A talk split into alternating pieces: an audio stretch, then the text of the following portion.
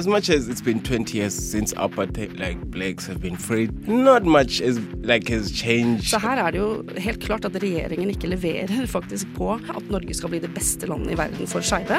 Chavez is the guy who finally could destroy Venezuela. Opplysningen hver fredag mellom klokken 10 og 11 på Radio Nova. Så, eh, Runa. Ja. Da har jeg faktisk et spørsmål til deg, tror du eller ei. Ja. Eh, kan kødd på, eh, på internett bli til aktivisme? Eh, ja, det tror jeg. Hvis mange nok eh, slenger seg på, så blir det plutselig fra litt uskyldig moro til heftig debatt. Ja, det skjer jo fort. Vi har jo sett flere eksempler på det. Blant annet Gamergate er jo et godt eksempel på at man manner seg opp, holdt jeg på å si. Eh, man eh, Hva heter det? Samler seg. Takk. Samler seg opp. Um, samler seg sammen eh, i et fellesskap på internett, og så rocker verden til, eh, til ja, i anførselstegn eliten som Mm. styrer verden. Ja. Um, Det har jo skjedd eh, med litt mindre Altså, det var ikke ment som aktivisme eller kødding, tror jeg, men eh, når de skulle legge ut en sånn AI-opplegg, og så skulle den lære seg språk fra folk ja. Det gikk jo fra skikkelig hardcore kødding til at de måtte legge ned hele prosjektet fordi Ble ikke den, uh, Den høyreekstrem? Veldig høyreekstrem. ja, sant det. Og du nevnte et, eh, et begrep her eh, mens vi hørte på, eh, på saken, Emilia. Ja, noe jeg nettopp har lært om på forelesning som heter culture jamming. Som ja, mer eller mindre er da en form for aktivisme hvor man har en ironisk approach. Hvor man gjerne lager falske reklamer.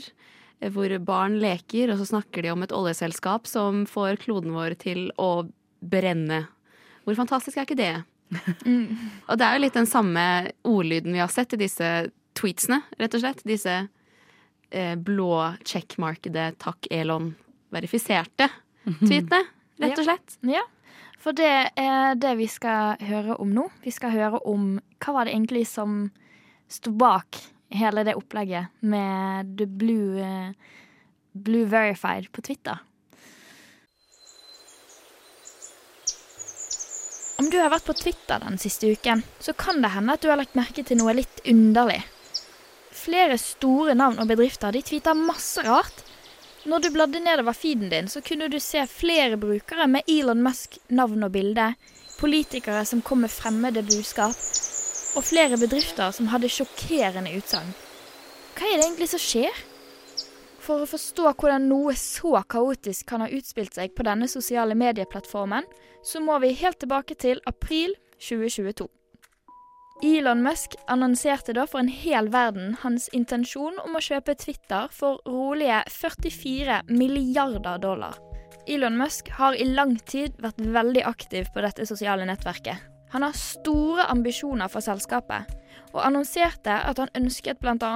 å legge til nye funksjoner til nettverket, som å få ned antallet med spambots og fremme ytringsfrihet.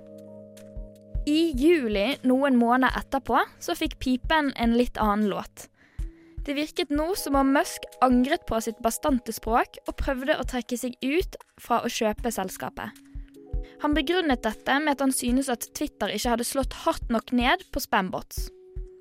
Men Twitter på sin side ville holde Musk på sitt ord, og valgte å saksøke han. Rettssaken skulle finne sted den 17. oktober, men noen knappe uker før det hele skulle sette i gang, så skiftet Musk spor enda en gang. Han ønsket å gå gjennom med oppkjøpet av det sosiale mediet likevel. Den 27. oktober ble avtalen rodd i land, og Elon Musk ble med umiddelbar virkning CEO av Twitter. Han feiret det hele med å tweete 'The bird is freed', som er en liten referanse til Twitter sin logo. Det er jo tross alt en fugl. Elon Musk gikk så hardt til verks. Han sparket raskt flere toppledere, inkludert administrerende direktør Parag Aragwal. Musk har så siden sin overtagelse foreslått og gjennomført flere reformer på Twitter. Elon Musk har et ønske om et Twitter 2.0, altså en ny og forbedret sosial medieplattform. Og i en stadig mer konkurransedrevet verden, så må de være extremely hardcore, sier han sjøl. Dette er et sitat fra en e-mail som Musk angivelig nylig har sendt ut til sine ansatte. I samme mail så gir han sine Twitter-ansatte et vanskelig ultimatum. Enten så går de med på å jobbe lange dager med høy intensitet, eller så kan de forlate selskapet med tre måneders sluttpakke på kjøpet. E24 melder at i sin søken på en ny og konkurransedyktig plattform har Elon Musk siden sin overtagelse av selskapet i oktober sparket omtrent halvparten av bedriftens arbeidsstyrke. Over 20 ansatte skal ifølge amerikanske medier ha fått sparken fordi de valgte å kritisere toppsjefen. I etterkant så kommenterte han de ansattes avskjed på Twitter med noe som mange mener var en ironisk tone. Han tweetet I would like to apologize for firing these geniuses. Their immense talent will no doubt be of great use elsewhere. Ansatte som har forlatt Twitter, har stilt spørsmål ved om Musk kan drive Twitter på en så effektiv måte som han ønsker, med en så redusert arbeidsstyrke. Avdelingen som vedlikeholder Twitters kjerneinfrastruktur, skal bl.a. ha opplevd store kutt i bemanningen. I tillegg så har Musk avsluttet samarbeidet med flere selskaper som jobbet på kontrakter. Dette inkluderer da personer som har jobbet med innholdsmoderering. Men det som ved første øyekast er Elon Musk sitt mest oppsiktsvekkende reform, det er den nye abonnementsløsningen som kalles Blue Verified. Dette innebærer da at hvem som helst kan for 8 dollar kjøpe seg et lite blått merke som står ved siden av navnet sitt.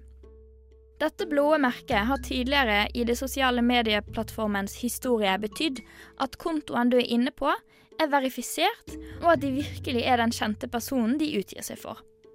Dette er bl.a. kjendiser, statsledere eller influensere.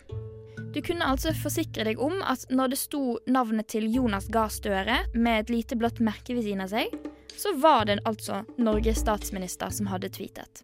Med abonnementsløsningen Blue Verified kan altså hvem som helst få dette lille blå merket ved siden av navnet sitt.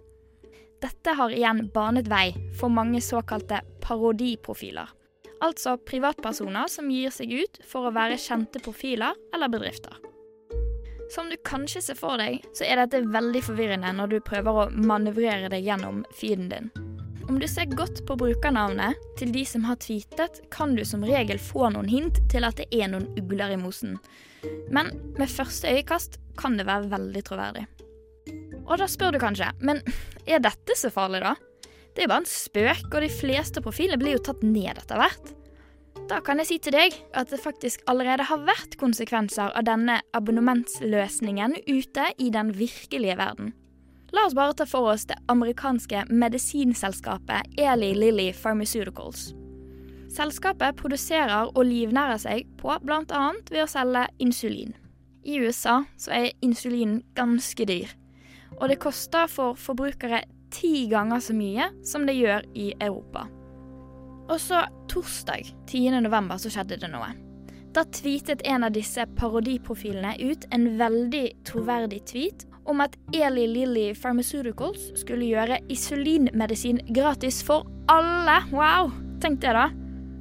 Og med det så stupte aksjeverdien til dette selskapet med mer enn 4 Og til og med etter at den faktiske Twitter-kontoen til Eli Lilly Pharmaceuticals la ut at dette ikke var sant, og beklaget alle de som var villedet, har ikke selskapet klart å komme seg helt til hektene igjen. Og dette er én av en rekke eksempler av bedrifter og privatpersoner som har blitt parodiert, og direkte eller indirekte blitt påvirket av Elon Musk sine radikale endringer på plattformen. Makten som ligger i sosiale medier og deres evne til å påvirke omverdenen, den er enorm.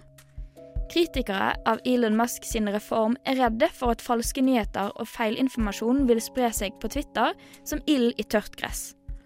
Elon Musk har på sin side selv sagt at han jobber for å opprettholde ytringsfrihet, men at han òg vil jobbe for at Twitter ikke skal bli et ekkokammer for hat og splittelse. Hvordan Twitter sin framtid ser ut, og hvordan den kommer til å påvirke omverdenen, det vil bare framtiden vise. Vi i Opplysningen vil oppfordre deg til å framover i tid ta en liten ekstra titt på profilen til den som har tweetet, før du tror på det som står der. Bare for sikkerhets skyld. Reporter i denne saken var Lise Benus. Musikken var hentet fra Blue Dot Session.